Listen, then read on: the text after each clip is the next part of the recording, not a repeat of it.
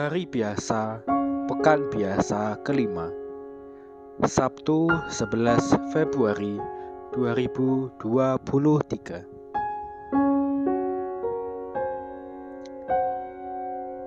Bacaan pertama Pembacaan dari Kitab Kejadian Bab 3 Ayat 9 sampai 24 pada suatu hari di Taman Eden, Tuhan Allah memanggil manusia dan bersabda kepadanya, "Di manakah engkau?"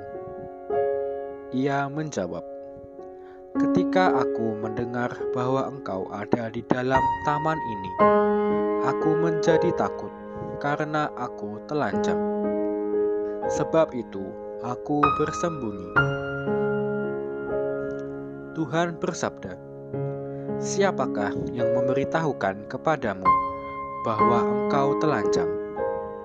Apakah engkau makan buah dari pohon yang kularang engkau makan itu?" Manusia itu menjawab, "Perempuan yang kau tempatkan di sisiku, dialah yang memberikan buah pohon itu kepadaku, maka ku makan." Kemudian bersabdalah Tuhan kepada perempuan itu, "Apakah yang telah kau perbuat ini?" Jawab perempuan itu, "Ular itu yang memperdayakan aku, maka kumakan buah itu." Lalu bersabdalah Tuhan Allah kepada ular itu, "Karena engkau berbuat demikian, Terkutuklah engkau di antara segala ternak dan di antara segala binatang hutan. Dengan perutmu lah engkau akan menjalar, dan debu tanahlah akan kau makan seumur hidupmu. Aku akan mengadakan permusuhan antara engkau dan perempuan ini,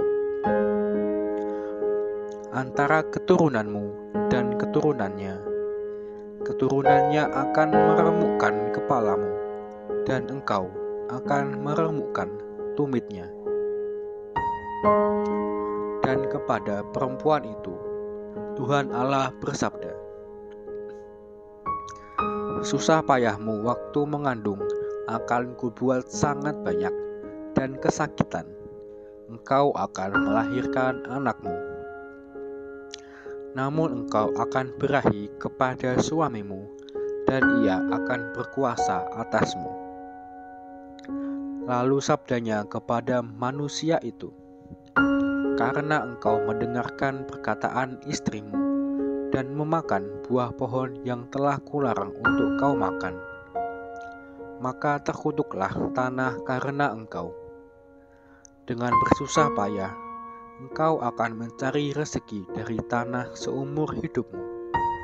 Semak duri dan rumput duri akan dihasilkannya bagimu. Dan tumbuh-tumbuhan di padang akan menjadi makananmu. Dengan berpeluh engkau akan mencari makananmu, sampai engkau kembali lagi menjadi tanah. Karena dari situlah engkau diambil sebab engkau debu, dan engkau akan kembali menjadi debu. Manusia itu memberi nama Hawa kepada istrinya, sebab dialah yang menjadi ibu semua yang hidup. Dan Tuhan Allah membuat pakaian dari kulit binatang untuk manusia dan untuk istrinya itu lalu mengenakannya kepada mereka. Bersabdalah Tuhan Allah, sesungguhnya manusia itu telah menjadi seperti salah satu dari kita, tahu tentang yang baik dan yang jahat.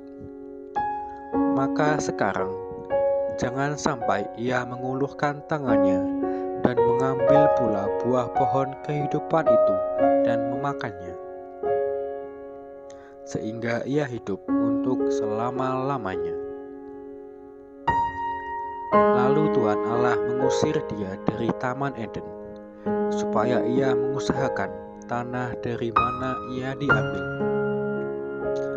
Tuhan Allah menghalau manusia itu, dan di sebelah timur Taman Eden ditempatkan lah beberapa kerup dengan pedang yang bernyala-nyala dan menyambar-nyambar untuk menjaga jalan ke pohon kehidupan. Demikianlah sabda Tuhan.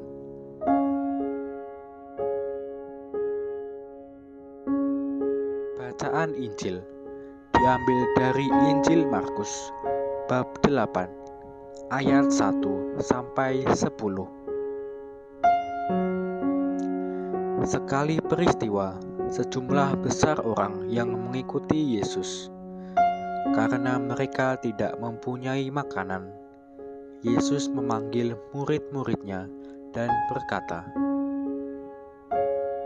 Hatiku tergerak oleh belas kasihan kepada orang banyak ini.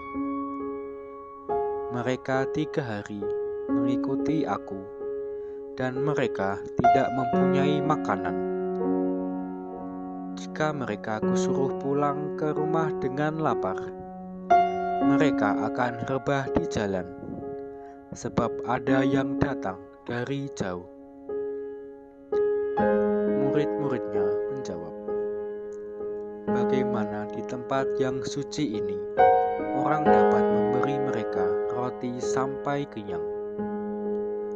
Yesus bertanya kepada mereka, Berapa roti ada padamu?